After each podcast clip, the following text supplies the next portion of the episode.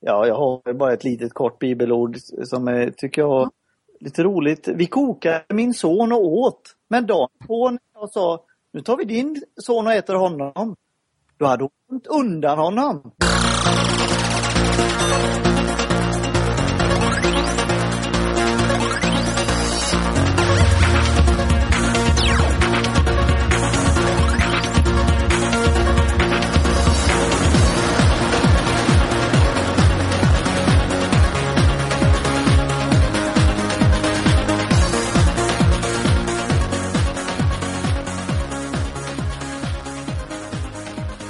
Välkomna till avsnitt 28 av podcasten Mellan svart och vitt. Och ni lyssnar till den skeptiska treoenheten som består av Thomas, Dragan och tant Erik. Och i detta avsnitt så har vi lite smått och gott. Vi ska ta lite aktuella nyheter. Lite gott och blandat där. Vi har Jakob Ståhle med oss, mannen bakom ateistbibeln. Och sen så blir det lite bibelcitat, citat och sen så även ett litet musikinslag av Thomas den här veckan. Men vi kör väl igång direkt på aktuella händelser och vad har vi där? Innan, innan, innan aktuella händelser så vill jag gärna fråga Erik, hur var Barcelona? Jo men Barcelona var helt underbart, förutom att jag missade intervjun med Jessica. Och jag måste få säga att det var en jättebra intervju eh, och ett jätteintressant avsnitt.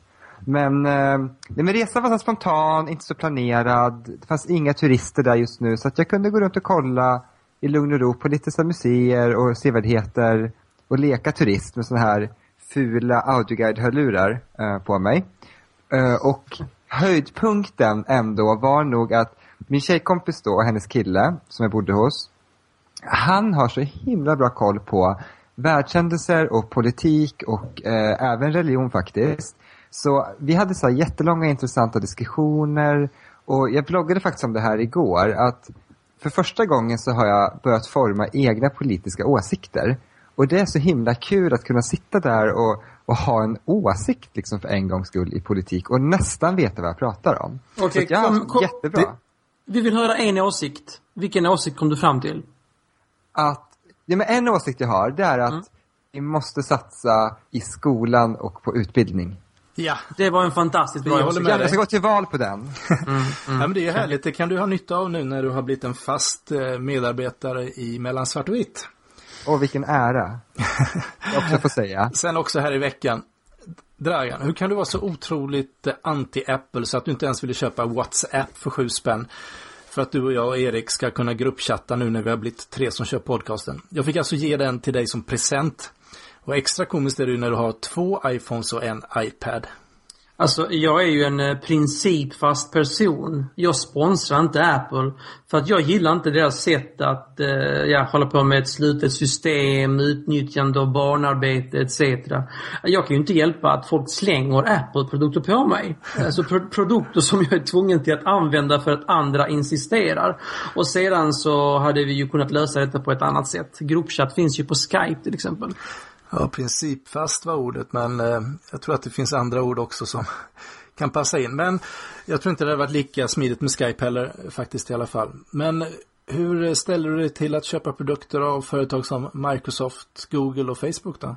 En annan bra fråga är, hur känns det att spon sponsra barnarbete? Det kanske du borde tänka på innan du insinuerar andra ord. Eh, men Microsoft har jag faktiskt köpt produkter av. De andra två har jag inte sett så mycket vettigt att köpa av om jag ska vara helt ärlig. Det kommer. Jag säga, ja. Men hade jag vetat om hela den här historien när jag laddade ner min WhatsApp så hade jag också vägrat så att Thomas hade kunnat sponsra mig med sju kronor. Han är ja. den givmilde kristna kanske i det här då. Ja, nej, jag, visste, jag visste ju att du... Eh, du... Att jag inte skulle ifrågasätta. Nej, precis, precis. Du är ny. Jag är, jag är gammalt vittne, vi ifrågasätter inte. Nej, precis.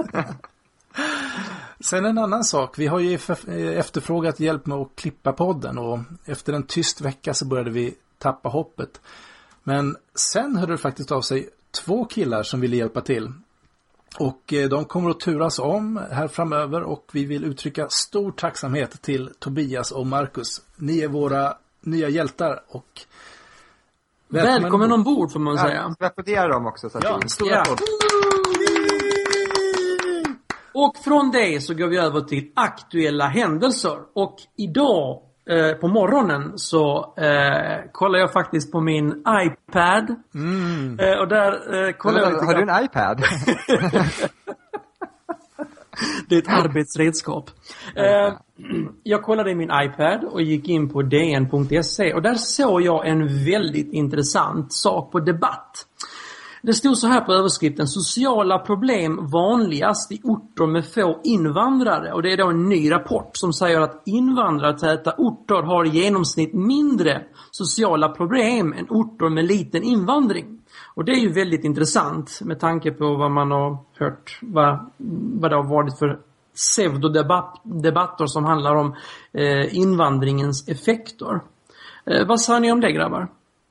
Men, alltså, jag tyckte det var en jättebra artikel. Jag läste den i morse på min iPhone. eh, och eh, fastnade just för det här att alltså, det finns kommuner i vårt land som egentligen kan jämföras med de här små eurokrisländerna, Grekland och Spanien bland annat. Och eh, jag tyckte det här indexet man använder, index över mänsklig utveckling, lät väldigt intressant. Mm, det var Och- väldigt intressant. Jag håller, alltså, det är väl det som de vill lyfta då, som du säger, att en pseudodebatt, alltså att den politiska diskussionen kring invandring och eh, Sverigedemokraterna har börjat lyfta frågan för hur vi ska lyfta vårt samhälle i allmänhet. Så att invandringen är liksom inte något problem, utan problemet är att vi, vi liksom, han skrev där på slutet någonting, att, att de, man kunde liksom Åh, nu har jag tappat det. Mm, Eh, mm. Jag skulle skrivit upp Ja, men det. Men det det- fanns någon bra jämförelse till att man kunde faktiskt använda eh, de här orterna med få invandrare och så kunde man plocka erfarenheter från orter med fler invandrare och så kunde man mötas och liksom bygga någonting bättre. Och det här är ju definitivt någonting för SD att bita i, eller vad säger du Thomas? Ja, jag läste ju den här artikeln lite snabbt på min Macbook Pro då. Men eh, vad jag tänkte på lite eftersom de bland annat tog upp arbetslöshet som en faktor då när de eh, betygsatte det här så så att, jag vet inte, man antog att kanske att eh, invandrare som kommer hit också kan tänka sig att ta vissa jobb som eh, som inte de, eh, ja, de som är vad ska man säga? etniska svenskar eller whatever, vad vi nu ska kalla dem. Svennebananare. Svennebananarna kan ta. Eh, och eh, även kanske också så att man att man kanske också eh, anstränger sig lite extra i, i skolan i vissa fall också. Eftersom man, eh, ja, man behöver något sätt att arbeta sig upp på. Jag vet inte. Mm, men det var en väldigt intressant eh, debattartikel i alla fall. Ja, och Då det var ju faktiskt, Ja. eh, vad hette han? Han som hade skrivit den var ju profess, professor i nationalekonomi vid KTH också. Stefan Fölster Mm. hette han.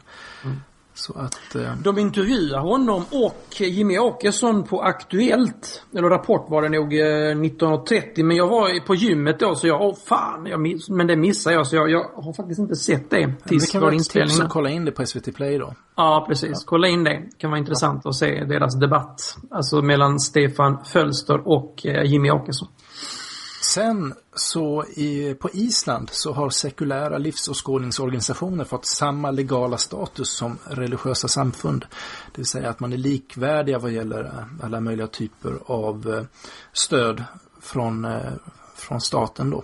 Och det är ju det som de svenska humanisterna också driver väldigt hårt. Men i Island har man alltså tagit det här steget. Man har kommit längre där helt enkelt. Ja, fast, men vad så betyder, betyder det att man kan se en sekulär livsåskådningsorganisation som en religion? Ja, precis. Eller, alltså, för de- definitionen blir väl att man ser det som religion från staten, eller? Nej, inte en religion, Nej, en utan- livsåskådning blir det ju då. Nej, men Men att, att eh, man ser religion och sekulär livsåskådning som två likvärdiga livsåskådningar. Samma Ah, status så att säga. Just I, alltså, så i, Sve-. Eh, I Sverige religion, så är det ju bara religion va? Alltså, Nu har vi inte gått in på att definiera religion, men i regel så, eh, så handlar ju religion om tro på eh, något övernaturligt väsen, ofta eh, en gudom eller någonting annat. Eh, Så. Och en annan sak, faktiskt eh, en nyhet från dagen här, det är att Englands Billy Graham välsignar samkönade par och Billy Graham är alltså en av de stora amerikanska pastorerna, eh, typ baptistpastorerna som brukar vara rådgivare åt presidenten och sånt där. Väldigt eh, inflytelserik. och eh, här har man alltså då en stor frikyrkoprofil då har välsign, har, ja, välsignat samkönade par. Hur ställde sig dagen till detta i artikeln då? Ja, de eh, berättade väl nyheten. Ja, de berättade, men ty tyckte de det var bra eller tyckte de det var dåligt eller? Nej, alltså det var ju en... Det stod inte va? Nu läste jag inte det i detalj, men det var ju en nyhetsartikel så det var nog ingen eh, värdering på det sättet. Nej, okej. Okay. De bara informerade. Däremot beskrev de väl att det var andra, jag tror de intervjuade eh, någon svensk frikyrkoperson som, som tyckte att det var olyckligt. Ja, jag okay. tycker det tänds en liten stjärna av hopp ändå. För jag menar, tänk de mest hårdnackade religiösa profilerna kan ändå ändra sig. Även om han är extremt sparsmakad i det han säger. Men han erkänner att Gud faktiskt kan godkänna en samkönad relation. Och då tänkte jag själv ibland som vittne så här, men bara jag får gifta mig med en kille så kan jag definitivt köpa hela paketet med att sällskapa så som Bibeln föreskriver och aldrig vara ensam utan ha ett förkläde med sig överallt. Mm. Och så vänta med sex efter bröllopet. Men vem vet, du kanske får gifta dig i en baptistkyrka så småningom. Ja men, ja, men gud vad spännande. Du ska bli baptist, där har ja. vi det. Ja. Baptist är ditt nya. Nej men nog om det. Eh, en annan grej är ju att Jan Guillou, han tycker att man ska lägga ner in, eh, internatskolorna. Han tycker att det är en extrem form av högerkultur som finansieras av skattebetalarna. Vad tycker ni om det då? Ja, de här eh, internatskolorna pratar om, det finns ju tydligen eh, bara tre sådana i Sverige. Eh, Lundsberg För många. och två till. Och jag vet inte faktiskt vad, jag är lite dåligt insatt, det var poängen med dem i, men det, alltså det känns ju som att det att det frodas en, eh, en kultur som inte är så där värst sund. Nej. Ja, jag tycker Nej. han har rätt. Det är hög tid för detta. Det hör till det förgångna. Men lägg ner och så, vadå elitskola? Alltså alla barn ska ha möjlighet till en bra utbildning oavsett eh, ekonomisk och social bakgrund. Så uh, satsa på skolan istället. sen är det så här, nu pratar man här om att lägga ner internatskolorna. Det är ju så att de allra flesta internatskolor i Sverige eh, är ju kopplade till någon typ av idrottsverksamhet. Att man går på någon fotbollsskola eller hästskola eller liknande. Tycker ni att man ska lägga ner dem också? Fast de är väl inte internatskolor? Det finns internatskolor. De flesta internatskolor är av den typen. Aha. Nej, fast alltså, det där, där, den här, där den här eh, våldsspiral, högerextrema formen av högerkultur, fin, om den finns där då tycker jag också att man ska lägga ner dem. Det är mm. min uppfattning. Men varför, det är ju dels så, om man tittar på de liberala idéerna så handlar det ju mycket om att eh, Nej men ändå att det ska finnas en valfrihet. Eh, och där kommer ju det här med friskolor och det här Jag är emot friskolor också så att Jo, precis. Men det är hur mycket man vill att staten ska styra och jag kan tycka också att, eh, att det finns något tilltalande i att eh, skolan ska vara lika och att det ska styras från staten, att det inte ska vara så stora kommunala skillnader eller skillnader mellan privat och eh, kommunalt. och på sitt sätt kan jag även dra det så långt att jag kan tycka att det finns poäng med skoluniform. Också för att eh, minska eh, ja, skillnader bland eh, ja, eleverna. Skoluniform. Ja. Det låter ju mossigt om någonting. oj, oj, oj, oj. Ja, det ja, men tänk, man, behöver aldrig, man behöver aldrig liksom tänka på vad man ska ha på sig. Ingen blir retad för att den har en ful eller gammal tröja. Oavsett om du är fattig eller rik. Eller men det är väl rätt land. små problem idag, är inte det? Någon retar någon för en tröja liksom. Alltså det känns ju som... Hello Kitty går alltid hem. Oavsett klass, kön, whatever. Hello Kitty, that's the shit. Eller? Nej men det är om man drar det på olika håll liksom. Eh, men måste jag ta ut andra då? För jag menar, där jag växte upp, på det gymnasiet mitt uppe i Norrland så fanns det en, en särskild skidskytteutbildning som jag tror var ganska unik i Sverige. Och då kom det ju alltså ungdom, gymnasieungdomar som skulle läsa den här i tre år men det var inget internat utan då bodde de då på ett elevhem. Men de var ju fortfarande en del av skolan och av samhället och det var inte det här liksom särskilda utan, men det enda som var att de hade extra tid och eh, träning då för sitt skidskytte. Men vad, vad är skillnaden att bo på ett elevhem än att bo på ett men internat? Det är väl en sluten, en ganska sluten värld, en internatskola. Alltså, nej alltså det, skillnad och skillnad, men alltså, jag tänker att, att det blir, eh, de var ju ändå på något sätt mitt inne i samhälle. Alltså, men jag tror- har alltså- väl mycket mer hårdare regler och en hårdare kultur. Men jag tror att definitionen av internatskola är att man sover över. Hmm. Vi får, vi får kolla det på Wikipedia ja. sen. Eh, Vi går vidare. Eh, Melodifestivalen 2013. Äntligen är det dags för lite slager. Eller vad säger du Erik? Ja men alltså, ska jag säga att det var inte bögen i det här gänget som kom med den här idén, utan det var, Det var jag. det var du som kom med det här Mm. och som av en händelse så råkar alla i treoenigheten vara eniga. Jo, Helt otroligt. Vem var bäst, eh, Thomas? Jag tycker ju att Yohio var bäst och sötast. Eh, Men jag tycker det är synd att han hade kompromissat och lämnat klänningen hemma och eh, gitarren med. Och dessutom tycker jag att han borde ha sjungit på japanska. För att då tror jag att han skulle haft potential att vinna hela Eurovision. Nu är jag tveksam till om han klarar att vinna den svenska uttagningen ens. Yeah, right. Framförallt så gav han ordet hen ett ansikte, bara det. Eh, Jag var inte speciellt imponerad av det jag såg. Och då pratar jag om alla låtar. Väldigt slätstruket och lite småtråkigt. Sen är det ju svårt att imponera på dig. Ja, det är ju sant. Jag är inte så Är lätt det så? imponerad. Ja. Svårimponerad. Alltså spontant tänker jag bara så här. Herr Björkman satsar inte på att vi ska vinna hela skiten igen. Utan det här är ganska ojämnt, det är ganska platt. Mm. Eh, jag uppskattade JJ Johansson för hans ljudbilder tycker jag är jättebra. Och sen Anna Järvinen hade en fin text. Men jag förstod inte vad hon hade för kläder på sig. Och så han då lilla Yohio. Han försöker vara så här coolt japansk. Men alltså jag håller med, han skulle sjungit på japanska. Alltså, var har ni fått det ifrån? Vem röstar på någon som sjunger på japanska i Sverige? Ja, men jag tror att man vill ha någonting annorlunda. Jag menar, har de här Lordi kunnat vinna Eurovision och Men de där sjöng på engelska. som kom två eller tre.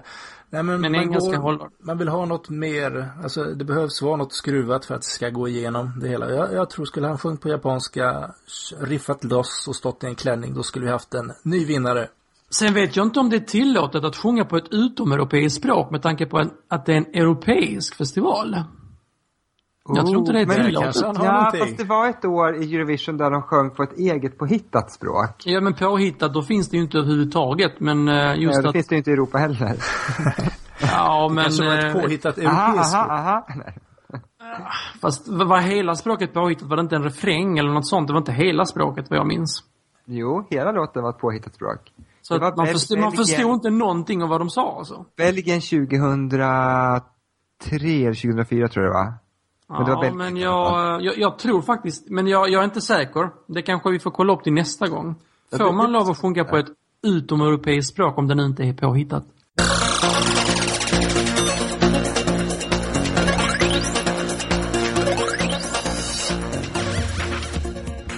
Då så har vi med oss Jakob Ståhle, trollkonstnär sedan många år tillbaka och även mannen bakom Twitterkontot Ateistbibeln och ateistbibeln.se. Välkommen till Mellan svart och vitt igen. Tack så mycket. En favorit i repris kan man säga. Eh, då börjar jag här med en fråga direkt. Eh, Direkt? ja, direkt. Så snabb är jag. Var växte du upp någonstans? Jag är uppväxt i Allingsås eh, där jag har bott hela mitt eh, första 25-åriga liv. Eller 30-åriga kan man säga nästan, med kort undantag. Ja, jag läste där också sen att du var pianostämmare från början och var en av de yngsta va? Men eh, berätta om det, Va- varför slutade du? Vad hände där? Ja, jag blev eh, då pianotekniker och Sveriges yngsta auktoriserade pianotekniker och pianostämmare eh, vid 20 års ålder och eh, har jobbat med det, varit över i Japan på utbildning och så vidare och, och är duktig på det. Men pianon är liksom inte den mest lukrativa branschen nu längre. Eh, begagnade pianon får ofta skänkas bort eller fina begagnade pianon ges bort för några hundralappar och en pianostämning går ju på en 1500 kronor så det säger sig självt att det, det är svårt att motivera kanske att man ska lägga pengar på sitt instrument och så är det korta korta jobb ofta och, och liksom det är mycket spilltid så, så det är svårt att få, eh, få det att bli lukrativt och och dessutom så är det många av eh, de som då får sina pianon stämda, de kanske inte själva har förstått, eller det är någon som förklarat för dem att de ska låta stämma sitt piano, så har de liksom inte eh, förstår de inte kanske riktigt att uppskatta den tiden och det eh, engagemang man lägger på deras instrument. Och så det här med trolleriet, det gav ju och ger en helt annan uppskattning och som bekräftelsetorsk då så är det väldigt lätt att, att falla för det. Plus att det är varit mycket mer lukrativt så att det blev helt enkelt att jag satsade den vägen. Sen. Kan man säga att det var dålig stämning på jobbet? ja, det skulle man kunna säga. Kanske inte första gången du hörde den, men Nej. i alla fall trollkonstnärer. Kan du berätta lite om vad du gör för trolleri?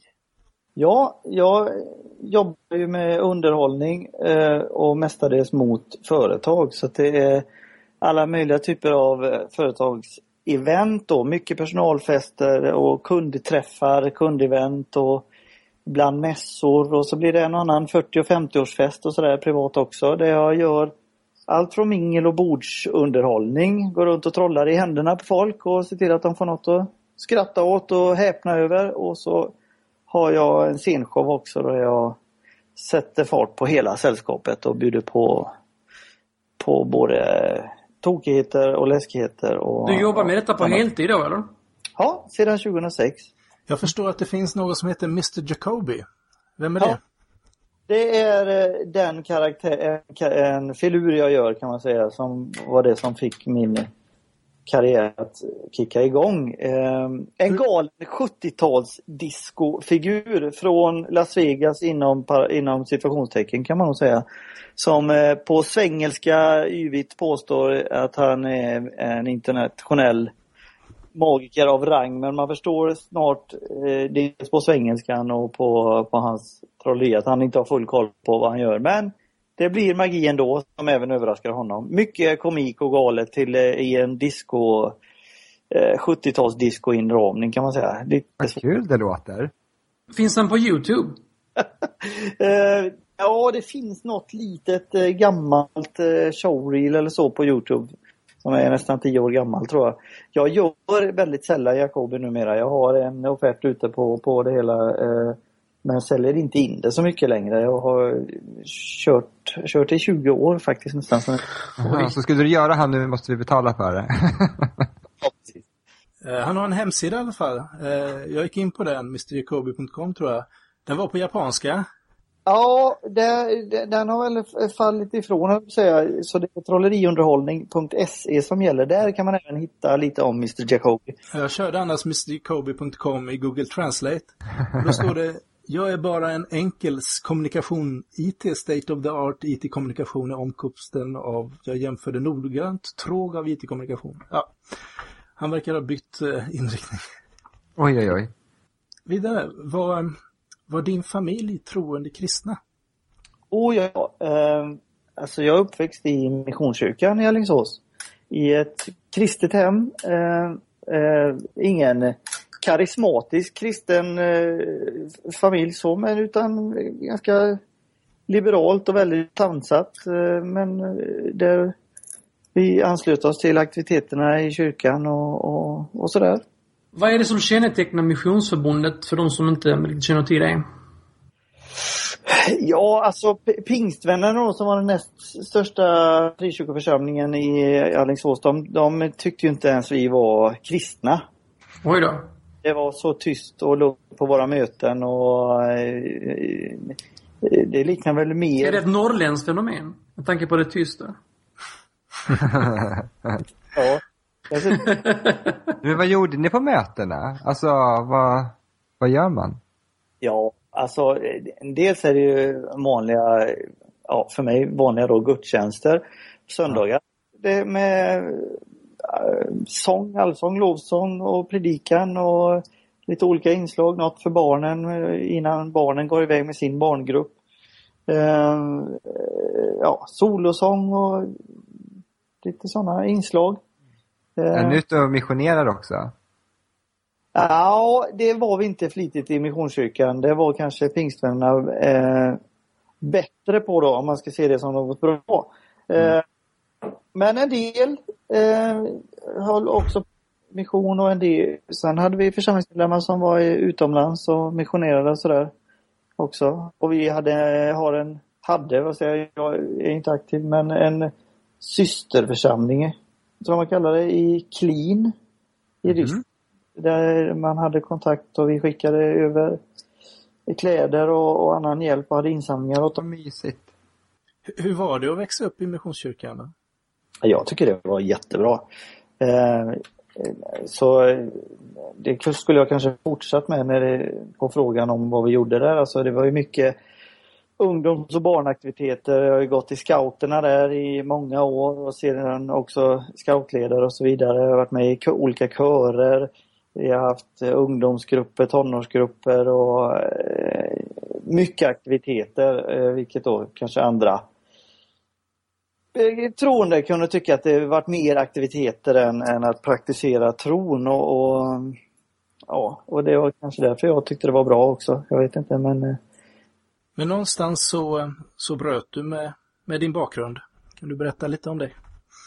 Och det har inte en femöring utan eh, jag har liksom eh, varit intresserad av, jag, jag är intresserad av allt som rör livet och, och kunskap och, och, och så vidare. Och, och eh, bara då att, att förstå att det finns många olika församlingar, många olika kyrkor, många olika, olika religioner och, och så vidare. Och när man lyfter det perspektivet så inser man snart att man, det är lite naivt att, att tänka att vi har hittat den rätta sanna vägen och de andra de är lite eller mer eller, eller mycket ute och cyklar på ett eller annat sätt när det gäller sin tro. De har inte riktigt fattat grejen men vi i Missionskyrkan minsann vi hittat Tänkte ni också så?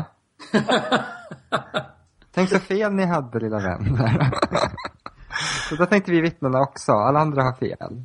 jag faktiskt höra av vittnen som jag var stämde piano hos som eh, eh, försökte få mig på sin rätta väg och så fick jag berätta Ja. att jag är troende och sådär och, och, och berätta, men då fick jag förklarat för mig att nej men det är fel, det kommer gå illa för mig om jag fortsätter så och så vidare. Ja. Men det kan ju inte gå mer illa än att man upphör existera enligt Jehovas vittnen. Så det finns ju inget helvete, eller hur, Erik?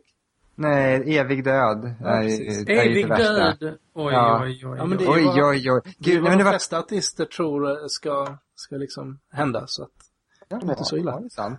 Mm. Nu tappar vi det finstämda, känner jag.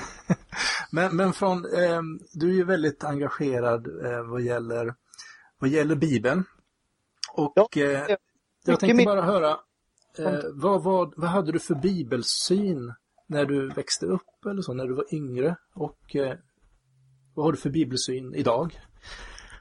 Eh, Den bibelsynen eh, jag haft under hela min uppväxt och tidigare vuxna liv är ju att, att Bibeln är den goda boken som står, som står för förlåtelse och kärlek. Ehm, men eh, man vet om att det står vissa eh, dumma saker i Gamla Testamentet och att vissa saker man tyckte var lite väl konstiga i Uppenbarelseboken i Nya Testamentet. Men i övrigt så var det den goda boken. Men jag var ingen... Eh, jag tror det var Guds ord, alltså var, det, var du bokstavstrogen på, på något vänster eller? Men, men jag trodde väl att den var gudainspirerad helt klart och, och på, på Jesus uppståndelse och på, på de eh, bitarna och på jungfrufödseln och med Jesus och, och att Jesus var Guds son och så vidare. Men, eh, men sen när det gäller mer, i detalj eh, mirakel som Jesus gjorde och så vidare och framförallt saker i Gamla Testamentet och sådär. Där har man nog tyckt att ja, men det, det kanske inte är helt... Alltså, för sin egen självbevarelsedrift kanske så har man valt att inte gräva i de bitarna utan det är strunt i det utan fokusera på, att, eh, på kärlek och nåd och så är det bra med det och det andra. Eh, det blir bara jobbigt att gräva i för då, då, då märker man ju bara mer konstigheter så det är ju liksom det har man inte brytt sig om så mycket. Okej, vad var det som fick dig att ta de första stegen med Twitterkontot att ateistbibeln, tokiga Bibeln? Fick du någon respons från första början? Ja, ja. Eh, det var så här, jag hade en diskussion med mitt gamla grabbgäng, så vi alla uppväxta i Missionskyrkan och, och då diskuterade vi Bibeln och sådär. Och, och i, eh, där är vi en, en nu blandad skara från eh, mer eller mindre bokstavstroende till, eh, ja jag är väl på, ja, jag har nog blivit kallad fundamentalist åt andra hållet då utav Eh, och, eh, men vi är goda vänner allihopa. Men där diskuterade vi Bibeln och jag sa ju det att men, den är riktigt osmaklig i många fall, Bibeln. Och då var det någon annan där som tyckte, nej men så kan du inte säga, nej nej nej, nu, nu är du Jakob, nu är du ute och cyklar och sådär. Och då blev jag lite trött på det där. Och jag hade ju inga bibelord i, i liksom på tungan eller på som jag kunde så, så när jag kom hem sen så började jag anteckna lite utav de här bibelorden. För jag tänker, att kan, om jag nu har den här åsikten att Bibeln står för galna saker, då får jag väl kunna visa det någon gång. Och till slut hade jag samlat på mig ett bra gäng med, och upptäckte bara dumheter i Bibeln. Så tänkte jag prova och, och twittra det här lite grann och se vad som händer. Och eh, ja, det, det vart ju genom en växande följarskara där så, så det verkar men eh, hur gör du för att hitta nya så här, tokiga bibelord? Läser du mycket i Bibeln eller får du input ifrån andra? Eller hur, hur går ja. du tillväga? Mycket från början har varit input från andra. Jag har hittat på nätet och så vidare. Men sen när jag då slått upp Bibeln som jag gör på i datorn, eh, för det mesta bibeln.se, då är det bara att läsa vidare och, och ner galenskaper. Och det var ju mycket, många, många resor värre än vad jag hade en aning. Ja, efter att ha lyssnat på, eller läst lite på din hemsida så är det också för mig många resor värre än vad jag någonsin trodde, får jag väl säga. Så att, eh, det håller jag med dig om. Eh, vad är kriteriet för ett tokigt bibelord? Ja, det tror jag är eh, bra att nämna, för jag, den frågan får jag nog lite grann på Twitter från en del som blir besvärade av de här bibelorden. Men, eh, det är dels eh, omoraliska saker i Bibeln, eh, i synnerhet när de kommer från, eller indirekt från Gud eller Jesus då. Eh, sen är det också osannolika saker i, i Bibeln, alltså allt från mirakel till helt overkliga händelser som, som man då förväntas tro har skett. Det är väl kanske eh, mycket det som är, eh, och sen, och, alltså Ja, det är nog kärnan alltså. Eh, att det är osmakligt eller omoraliskt eller eh, övernaturligt, alltså otydligt. Sen mm. har jag många fler, om ni har varit och tittat, ämnen då som, som är från allt från slaveri till incest och barn, barn, eh, vad heter det, barnamord, barnmisshandel. Ja, ja, och jag har till och med lagt till någon titel också minns jag. Mm. Eh, vad är det tokigaste bibelordet du stött på? Oh. Eh, jag, alltså, jag måste säga, jag såg nyligen här i veckan den här filmen eh, Django Unchanged. Jag vet inte om ni vet? Ja, det är ju han, eh, Tarantinos nya film. Ja. Visst, och den handlar ju dels om, om slav, slaveriet i USA på 1800-talet.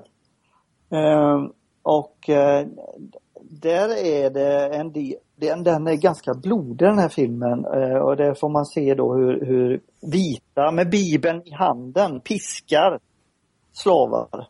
Ehm, och även om den här filmen är påhittad så är nog själva den företeelsen i USA bland alla hundratusentals slavar då de importerade. Det är nog inte eh, helt osannolikt att det skedde många gånger. Att man stod där med bibeln som stöd. Och i synnerhet inte då när man tittar på alla bibelord som då eh, eh, står bakom slaveri eh, i Bibeln. Så... Det står en hel del om slavar, det gör det va?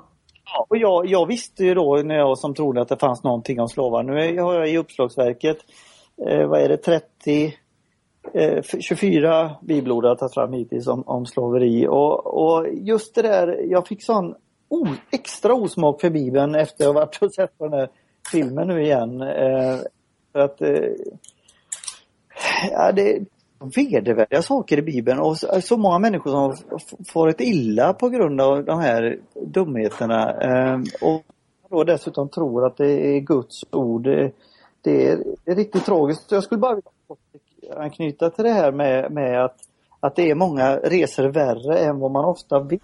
Jag konfronterar ju och har diskussioner med pastorer och, och troende med de här sakerna. Och jag tar upp bibelord, de känner inte igen det. De har läst Bibeln två, tre, fyra gånger rakt igenom. De känner inte igen de här bibelorden för att Bibeln är ju så mastig och seg och så vidare. Så man, och så är det jobbigt att läsa de här sakerna. Så de passerar på något sätt en av mina missioner det är helt enkelt att få, få Eh, tala om för människor hur illa, alltså digniteten av tokerier i Bibeln. I Bibeln. För om någon ungdom skulle få chansen att, att ta del, alltså någon ungdom som funderar på att bli troende eller kristen, om man först får reda på hur illa ställt det är i Bibeln, eh, hur mycket knasigheter det är, både moraliskt och eh, rent vetenskapligt eller man ska säga. Och, att man sen då får ta ställning till om man ska bli troende eller inte. För har man redan blivit troende, det vet vi ju alla tre, då, då håller man gärna fast för det eh, sen vad man än får reda på för konstigheter. Men är det inte lite så här att om man tittar på Bibeln så är det dels är det ju en, en berättelse om människans historia. Sen huruvida hur mycket som är historiska fakta eller hur mycket som är myter är ju en sak. Eh, och vi vet ju det att människans historia är ju blodig och fruktansvärd på en massa olika sätt. Så att därför är det väl inte så märkligt att, att Bibeln också beskriver de här händelserna. Ja, men det, det eh, har ju ett syfte att, att berätta vissa eh, historiska händelser eh, i Bibeln och det eh, handlar ju om ofta, jag menar ofta avslutas ju de här krigen med att så därför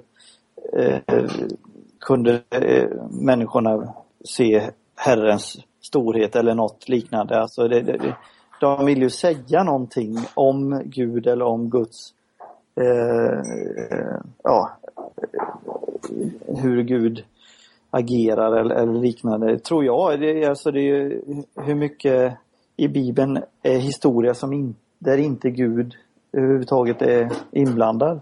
Det finns väl en del, men jag håller med dig att, att där det är speciellt problematiskt är ju där, där man skriver att, att Gud har befallt att de ska gå ut i krig eller att de förstfödda ska dödas eller ja, någonting sådant. Eller avsluta med att eh, därför kunde man se, då så förstod människorna att Gud var Herren eller liknande. Alltså. Men det handlar ju väldigt mycket om vad man har för bibelsyn. Alltså om man har, det är väl som jag funderar en hel del kring också, att när man säger att Bibeln är Guds ord och att många läser den eh, som att det som står är Guds direkta uppmaning till oss. Eller att mm. man kan liksom applicera vissa saker rakt av då. Mm, andra det, situationer. Det står ju i Bibeln att, att så är fallet också. Att, jo, fast, fast man kan ju liksom inte... Men hur menar du att, vad kan man ha för bibelsyn? Eh, ja, det förstår inte jag heller. Ja, men man, kan ju ha, man kan ju ha en bibelsyn, jag kan inte säga att jag har formulerat den än, men man kan ha en bibelsyn att Bibeln är ju en samling texter från olika tider som beskriver eh, ja, I Gamla Testamentet är det mycket, mycket Israels folk och, och deras berättelse och deras berättelse om om ja, deras syn på Gud eller så. Eh, I Nya Testamentet så är det framförallt berättelsen om, om Jesus. Och eh, det som kanske är, om man ser kärnan i, i kristendomen, att, att Gud blev människa i Jesus, så är ju Bibeln intressant eftersom den innehåller ju texter om Jesus eh, som man då ja, får förhålla sig till på ett eller annat sätt. Men sen kan man ju även, jag menar Bibeln ger ju också berättelser som, som, eh, ja, som man kan, eh, nej, som kan ge någonting. Det är, det är ju ett, det är ett litterärt verk också som, som har berättelser som kan eh, vara värdefulla. Jo, men det säger ju Richard Dawkins också att, att Bibeln har en stor liksom, den har ju både en kulturell påverkan och, en, och, och, att det finns litterära saker i Bibeln som vi som vi kan ta del av. Liksom. Men, men, men varför? Men hur menar du, alltså vilken, med vilken bibelsyn kan Bibeln vara okej? Okay? Kan, alltså... Ja, det... Jag vet inte om du tycker, jag tänker så här, alltså bibelsynen kan vara en grej, men jag tänker så här som, eh, eh som vittnena tänker, alltså om, om jag som vittne ur deras synvinkel till exempel läser på din blogg där, eller att de här citaterna, så mm. tänker jag spontant så här att först och främst så skulle man då säga att ja, men det här är taget ur sammanhanget. Så man måste läsa hela sammanhanget för att förstå. Ja. Och sen skulle jag säga så här, ja men det beror på översättningen. För det, det här är en ja. bibelöversättning som inte är bra. Och sen ja. skulle jag också kunna säga att, eh, att man måste förstå alla, alla grunderna och all, alla de här bakgrundshistorierna i Bibeln. Och, Och förstå hur den bygger upp en gudsbild och, och så. Alltså så att, så att det på något sätt skapar en annan bild av Bibeln och då också citaten. Ja, nu, Men varför ska man köpa den tolkningen då? För det är en tolkning men, det är så, också. men det är så de tänker. Alltså, menar, och där det sen fattas lite, det är där man ska tro. Ja, precis. Men det, det du nämner nu det är ju några av teologerna och apologeternas Eh, verktyg så att säga som de använder när de ska försvara Bibeln. Så fort man hittar ett krångligt bibelord som är, det, det låter liksom inte rätt att vi ska hata våra barn. Man måste hata sina barn för att kunna komma till himmelriket och följa Jesus. Och då tycker vi inte det låter bra. Men då kan, kan vi hitta någon annan eh, översättning på vad hata ursprungligen betydde och om inte det funkar så ja, hata använts i något annat sammanhang, i någon annan kultur eh, från den tiden eh, i, i, på det stället. Eller, alltså man letar och använder... lite under mattan liksom. Men det är ju så, tittar man på Jesus så använder han ju bilder och starka uttryck. Det, det är klart han säger att det är lättare för en kamel att komma in i ett nålsöga än vad det är för en rik man att komma in i himlen.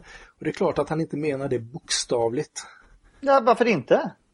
Han gick ju på vatten. Ja, visst, men vad han, eh, vad han pekar på är ju hur svårt det är för den som äger mycket att på något sätt eh, ja, lämna det och eh, Ja, men kan det inte vara så här helt enkelt att, att eh, Gud släpper inte in någon i himlet som har, har pengar? Och i så fall har han rätt. ja.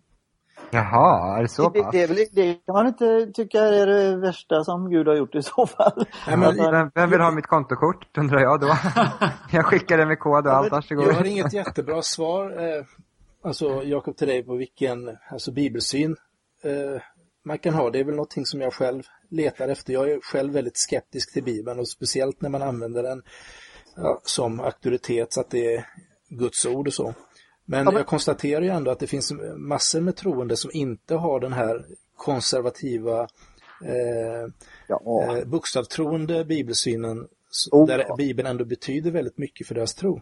ja, precis. Men då kan man fråga sig så här, varför betyder den mycket och hur, hur kan den få betyda mycket? För mig handlar det om trovärdighet väldigt mycket. Alltså, varför ska vi ge Bibeln, eller någonting i Bibeln, trovärdighet? Och när vi eh, idag liksom eh, ser på ledare som vi eh, ser upp till eller som vi vill följa eller om vi vill välja en politiker så kollar vi först hans trovärdighet. Har han gjort något omoraliskt, något brottsligt och så vidare. Om, eh, till exempel, jag talar om för dig Thomas att jag har en lilla syster. nu har jag inte det så det blir hypotetiskt, men jag har en lilla syster som är gift med en man som är väldigt kärleksfull. De har två barn och, och han, han ger dem så mycket kärlek. Han är jättebra på alla sätt men två dagar i veckan så slår han barnen väldigt illa.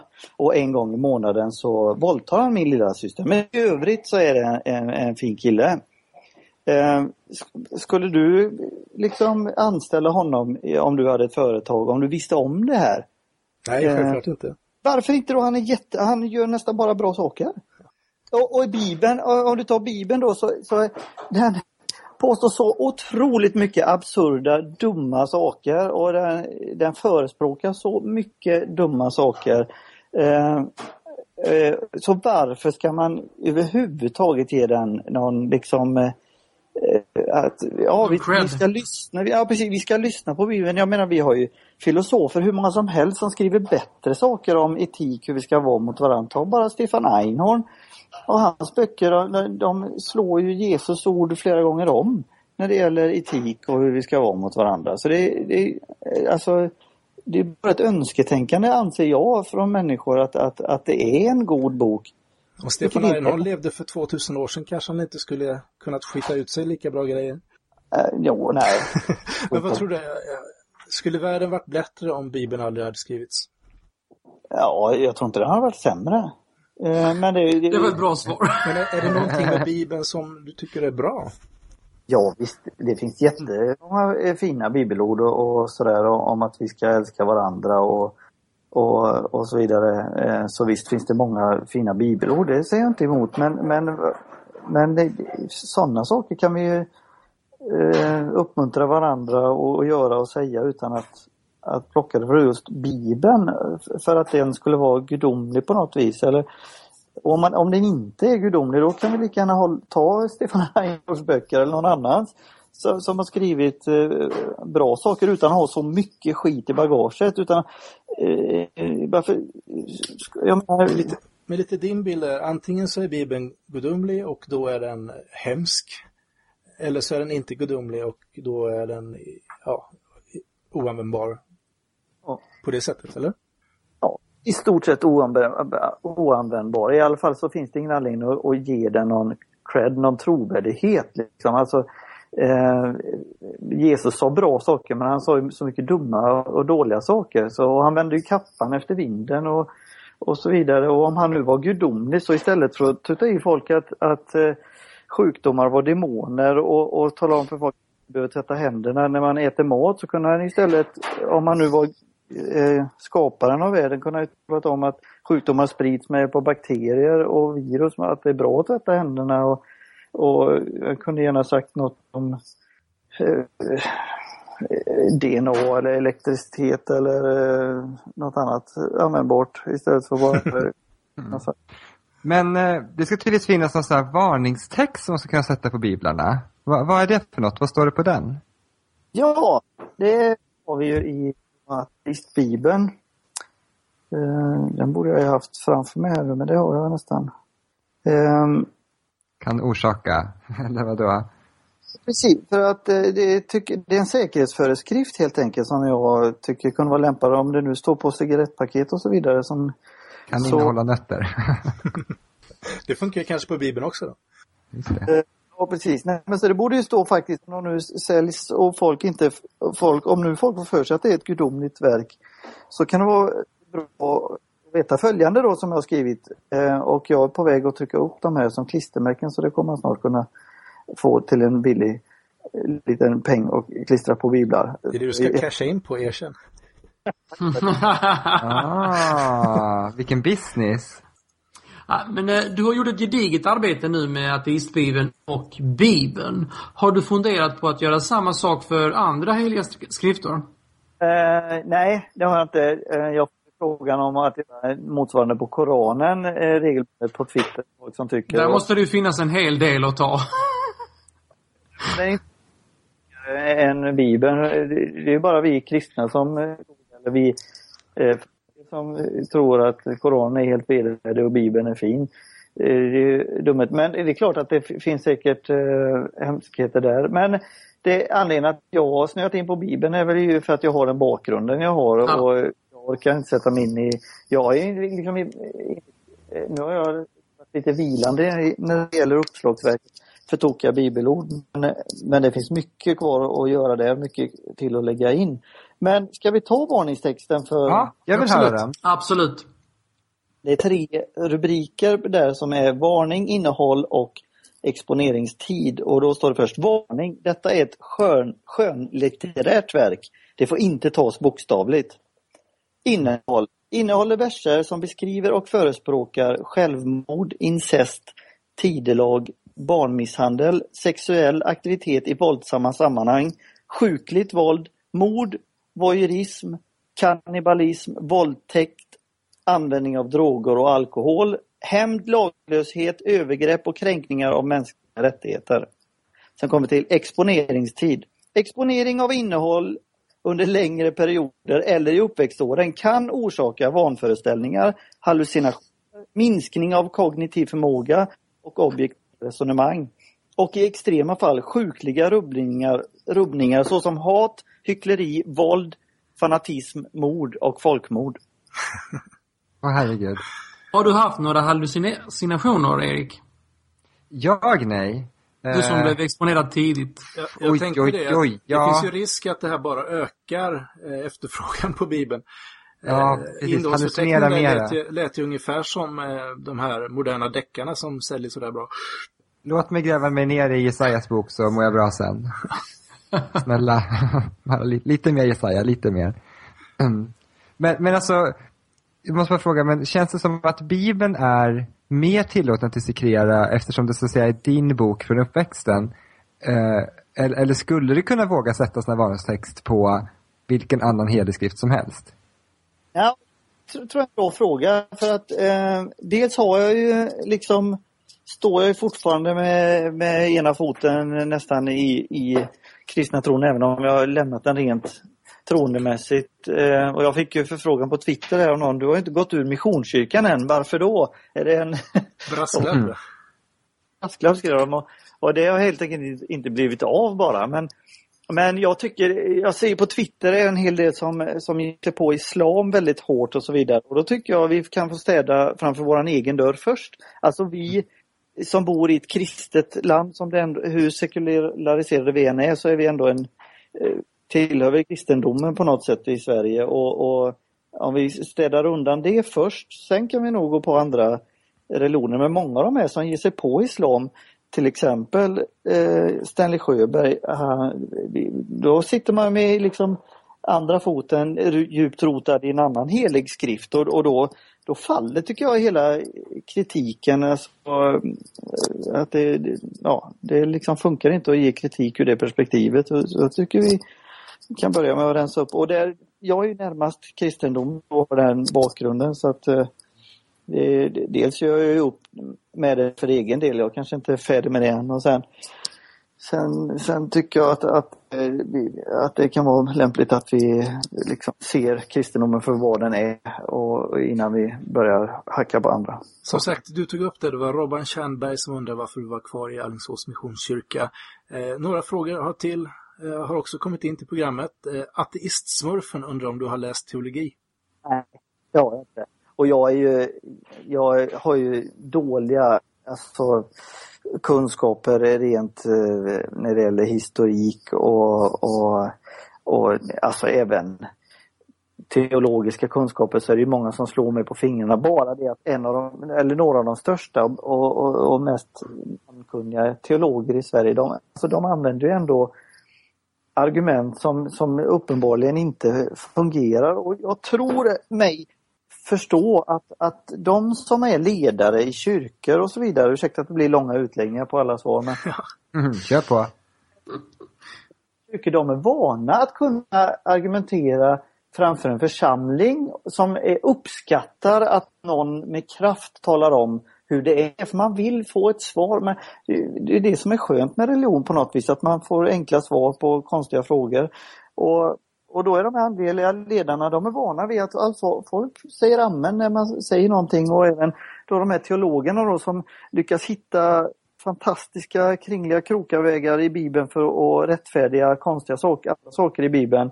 Eh, då, då tycker församlingen, åh vad skönt, eh, då fanns det det för det tokiga står i Bibeln också. Men sen eh, då när, när jag konfronterar till exempel eh, Stefan Gustafsson som är apologet då här i Sverige eh, som jag har gjort då. Eh, och, och då drar han sig ur för att jag vet inte varför men när man ställer de här lite tuffare frågorna. Han hänvisar då till bland annat eh, Jesus konstiga handlande när han sticker iväg från en plats med folk på honom och så vidare och då hänvisar han det till gamla, ett historiskt eh, dokument i gamla, eh, gamla testamentet. Och då på fråga om, om man ser Gamla Testamentet som en historisk eh, skrift liksom så eh, nej då får man inte svar på det. Men, men kristna de accepterar ju alla de här svaren att jaha det, det är så det fungerar och så vidare. Din tro är svag, Jakob. Det är därför. Din tro. Inte alla kristna. Um, just det, vi var inne på det. Jag har faktiskt en fråga från Johannes Axelsson eh, som jag spör på quizkampen och han undrar om du har kommit på att ett bibelord inte var så tokigt när du hade fått mer kunskap och att du sen hade tagit bort ifrån ateistbibeln. Ja, det har hänt. Eh, visst är det så. Eh, och alltså, det är ju självklart, det är ju helt godtyckligt. Jag har ju bara, jag plockar så fort jag hittar något som jag tycker verkar lite lustigt så eh, plockar jag ut och jag har fortfarande kvar bibelord på i bibeln som jag vet eh, blir knäppare när man tar dem ur sitt sammanhang eh, än, än, än vad de är då i sitt sammanhang. Men nästan alla bibelord de blir, alltså, de blir inte bättre när man läser i sitt sammanhang utan många blir bara värre. Man hittar bara mer skit. Vi förstår. En sista fråga här. Uh, har du något citat uh, som du kan få Thomas över då till ateismens fantastiska värld nu när hans tro är på bottennivå? ja. Är det så Thomas? ja, så är det nog ja. Ta fram ett riktigt saftigt bibelord. Hör ni mig nu eller? Ja, ja, vi hör dig. Ja, Vi hör dig. Vänta på dödsstöten. Ja. Oj, oj, oj. Eh, Jag, jag blir lite nervös. Dum, Ja. dum, dum, dum, dum, dum, dum, dum. höra era resonemang och jag gissar att, eh, att det som håller dig kvar mycket är din, eh, ditt, ska man säga, sociala sammanhang och att du har mycket vänner och, och släktingar i kyrkan och så vidare. Och det kan vara lite skönt att tro. Men ja, vad ska vi ta? Vi har ju barnamord. Där har vi 40 stycken att välja på. Och eh, att stå Ja, det på räcker, det räcker. Är du ateist Jag nu? får sova på det. Är du ateist nu, Thomas? 40 barnamord. Nej, det klarar jag inte. Vi, eh, vi går vidare. Okej, nu är Thomas ateist Ja, och så vi, går vi vi vidare i programmet. till nästa vecka. Får se. Jag ska, jag ska ta ett enskilt samtal här med någon själavårdare, så får vi se. Oj, oj. jag, jag tycker ni gör ett, jätteintressant program och det är gott att höra hur ni eh, liksom bjuder på era funderingar kring era roller och allt sånt helt eh, öppet i, i programmet. Det är faktiskt eh, riktigt eh.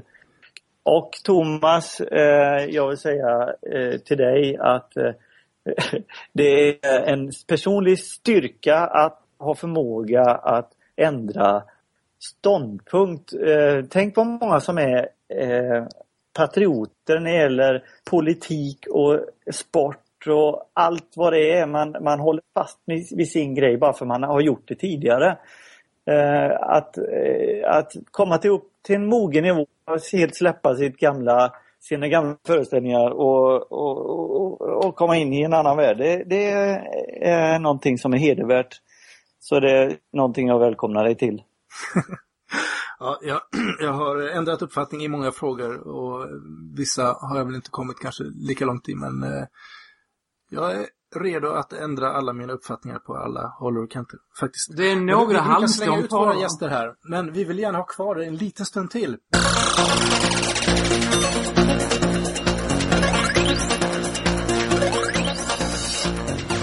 Vi har nämligen kommit till avsnittet Veckans citat. Jag tänkte börja med veckans bibelord. Eh, redan på långt håll fick fadern syn på honom. Han, fad, han fylldes av medlidande och sprang emot honom och omfamnade och kysste honom. Det är från Lukas 15 och 20. Och det här är hämtat från liknelsen om den förlorade sonen. Känner du till den, Dragan? Nej, berätta. Jo, det här handlar ju om en far som har två söner. Och de ska alltså få ärva honom så småningom. Eh, Men den ena sonen, han vill ha sitt arv direkt. Så att han cashar ut alla pengarna, åker iväg och eh, festar upp dem helt enkelt. Medan den andra sonen jobbar troget på gården. Eh, Och eh, ja, den här sonen som har förlorat allting då, han lever i total misär och till sist då så skamsen kommer han tillbaka till sin fader. Eh, och då kommer då den här versen att fadern fick syn på honom och sprang och eh, kysste honom och, och välkomnade honom. Och ställde till med en stor fest. Och då undrar den andra brodern då, men jag som håller på och jobbar här och sliter hårt så här, mig har du ingen fest för, men han som har supit upp alla pengarna, han ska ha en fest. Eh, och lite vad jag tycker att den här historien handlar mycket om är människovärdet. Att det handlar inte så mycket om eh, vad vi gör utan att eh, vi har ett värde i oss själva och att, att Guds, eh, Jesus beskriver Guds kärlek som den villkorslösa kärleken mellan ett, en förälder och eh, sitt barn. Ja, fast alltså i mitt lilla tanthjärta så slår det ändå lite fel. För det här är precis eh, så som mina föräldrar faktiskt ser mig. Alltså jag är den förlorade sonen och de vill ingenting heller än att jag ska vända om och det är jättefint. Men för mig så blir det så här att det handlar om villkorslös kärlek men den har trots allt ett villkor. Att man ska komma tillbaka. Ja, nej, alltså, ja, eller att jag ska komma tillbaka. Alltså, du är välkommen tillbaka om du, och så har de vissa så här grejer. Så att det, Mm. liksom, det är villkorslöst fast ändå inte. Det fanns ett villkor. Alltså var Ja, inte och, i, och i ditt fall är det ju rätt så, vad ska man säga, det går ju inte att ändra på det. Nej, jag, Men vad skulle Jag villkoret vara i, i den här liknelsen? vad sa du? Vad skulle villkoret vara i den här liknelsen? Att han blir straight. Ja, men, Okej, men han... jag vet nu känner mig utpekad, Dragan. Nu känner jag mig utpekad. Nej, men, alltså, i, I historien, alltså, i den här liknelsen så är det ju det att, att sonen lever ju ett liv i sus och dus och festar upp hela sitt arv, han får det i förskott. Och tydligtvis är det jag gör nu, jag lever mitt liv i sus och dus. Tills pengarna tar slut och jag ångrar mig och går tillbaks. Det är lite grann så. Mm. Så det är ändå någon slags, det finns ändå ett villkor på något sätt. Tänker jag, men jag vet inte, jag kanske tänker fel. Jag kanske tänker fel. inte. Vi kanske ska gå vidare till ett artistcitat då. Det kan vi göra och eh, det här tror jag faktiskt Jakob kommer, eh, kommer känna igen. Eh, var tacksam att du har ett liv och överge din förgäves och förmätna önskan om ett andra liv. Det är Richard Dawkins som eh, har sagt detta. Känner du igen det Jakob? Ja, var har du hittat det? Ja, du eh, la ut det på Twitter idag faktiskt. Ja, jag tycker eh, det är jättebra för att eh, jag håller nog med om att ju, ju starkare övertygelse man har om ett liv efter detta, som nu inte finns några eh, belägg för, så, så är ju risken att man inte tar vara på detta livet ordentligt. Med vetskapen att detta är det enda livet vi har så, så finns ju all anledning att, att leva det på bästa sätt. Jag håller med dig. Jag tänker lite så här, Baloo i Djungelboken, du vet. Var nöjd med allt som livet ger. Du, du, du. Kan vi ha som musikinslag sen. Ja. Eh, men, Kan- det, Ditt men det är första... väl, är mitt första, ja, mitt första musikinslag blir en låt från Djungelboken. Nej, men det är väl du förlöjliga det här va? Nej, men jag förlöjligar inte alls. Jag skulle säga Skojar bara. just. Nej, men som Jag tänker i alla fall så... Det är jag rimligt utgår inte tänkvärt. från att vi har mer än ett liv faktiskt. Och jag är jättenöjd och tacksam över det livet som jag har fått. Och skulle det visa sig att det finns någonting efteråt så ser jag det som en bonus. Eh, så. Åh, bonuscheck. Du, jag, jag räknar kallt med att jag inte kommer till helvetet. För det, det tror jag inte att det finns något. Det är lite kul sagt. Du räknar kallt med att du inte kommer till det. Jo, du sponsrar ju Apple, du kommer till helvete, tro mig. Ja, men då får jag i alla fall eh, umgås evigheten med Steve Jobs. Och det finns det sämre Ja. folk att umgås med, tror Om jag. det är någonting att se fram emot så gratulerar. Men, också, hade du någonting Jakob? Ja, jag har bara ett litet kort bibelord som är, tycker jag, lite roligt. Vi kokade min son och åt. Men dagen på när jag sa, nu tar vi din son och äter honom. Då hade hon undan honom. Det var Och det här är från Bibeln alltså, på allvar? det är andra kungaboken, sjätte kapitlet. En kvinna som har en deal med en annan kvinna att de ska äta varandras barn. Men Vi hade sån här, jag var faktiskt i kyrkan idag, det var sån här doppåminnelse så de hade fram alla små barn som hade döpts de senaste två åren. Men de läste inte det bibelordet då, det kanske skulle passat annars. Ja, koka där i dopfunten. Men det låter ju... Oj, nu Ja. så händer det Det saker är här. dags för musikinslag. Och eh, som vanligt tänkte jag spela en eh, Bosse-låt. Och ibland så har han lite allvarliga låtar. Ibland så har han lite, eh, vad ska man säga, lite samhällskritik. Och ibland så, så är han mest lite lattjo. Eh, det här är väl kanske någonting mittemellan. Eh, och eh, ja, den heter Helöverlåten. Den går så här. Nu så har jag gått och blivit hel överlåten Vår fader uppe i himmelen är rikt... Nej vänta, så här är det. Jag behöver er hjälp. yes, Är ni med? Okej. För att så småningom så kommer jag sjunga Har bett ut i sin bön och då ska ni svara Amen. Okej, ja men det kör vi på. Okej. Ehm, amen ska det bli. Ja, vi kör igång i alla fall. Nu så har jag gått och blivit hel överlåten Vår fader uppe i himmelen är riktigt belåten över att jag äntligen har tagit det etta steg Aldrig trodde jag att något sånt kunde hända Aldrig ska jag mera någonsin återvända till farisi och sadduceernas sura deg Ja, jag är glad i Herren för att jag vet att jag är en av de främsta profeter som har bett ut i sin bön Amen. Amen. Ja, jag är glad jag myser och mitt ljus, ja det lyser över alla de länder där jag sått utav dessa frön, vad ska jag få för lön? Mycket har jag lärt mig utav lärjungaskapet. Predikat har jag gjort så jag är sned ut i gapet. Allt har jag försakat och jag här är någon kverulant. Folket de har lyssnat med hörande öron men inget har de fattat för ingenting gör de trots att vartenda ord jag sagt är sant för jag är predikant Ja, jag är glad ut i Herren för att jag vet att jag är en av de främsta profeter som har bett ut i sin bön Amen. Amen. Ja, jag är glad och jag myser ja det lyser över alla de länder där jag sått utav dessa frön. Vad ska jag få för lön? Ja, det får ju Vad klappa duktiga vi lite var på till. vår lilla insats där. Ja, Vår lilla insats var ju ingen höjdare. Vi var eniga om. Ni får gå med i kyrkan så att det blir ett ordentligt amen. Men vi sjöng i kanon. Ja, precis. Ja. Då har vi glidit, till, glidit över till eftersnack. Ja Han- då är det en gång till, Jakob, i mellan svart och vitt. Ja, vad trevligt. Tusen för att jag fick vara med. Ja, Ja. Hur känns det nu? Efter andra gången?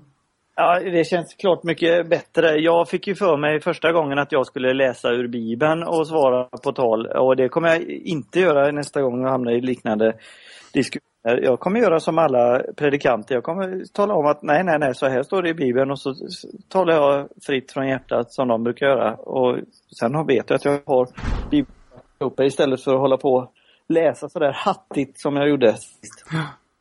vi får se. Vi, eh, vi gillar dig och eh, vi kommer säkert att mötas i podcasten någon mer gång om vi håller igång. Så att eh, vi får tacka jättemycket för att du var med, Jakob. Tack så mycket. Tack så mycket Jakob. Ha det gott! Hej då! Ja, ha det. Hej då. Du har lyssnat på podcasten Mellan svart och vitt. En podcast som handlar om tro, tvivel, skepticism och humanism. Om du gillar oss så gå gärna in på iTunes och ge oss höga betyg och fina recensioner så att vi kan nå ännu fler lyssnare. Ta gärna kontakt med oss. Vi har Twitterkonto svart underscore vitt för programmet och Thomas har Thomas Schoberg med TH och Dragan har Draganist. Kan också mejla till oss på tjena snabla mellansvartovitt.se Vi har också en Facebook-sida. Bara sök på mellansvart och vitt. Vår hemsida kan hittas på mellansvartovitt.se och där kan man också kommentera de olika avsnitten. Och sist men inte minst så är vår jingel gjord av Dragans band The Lounge.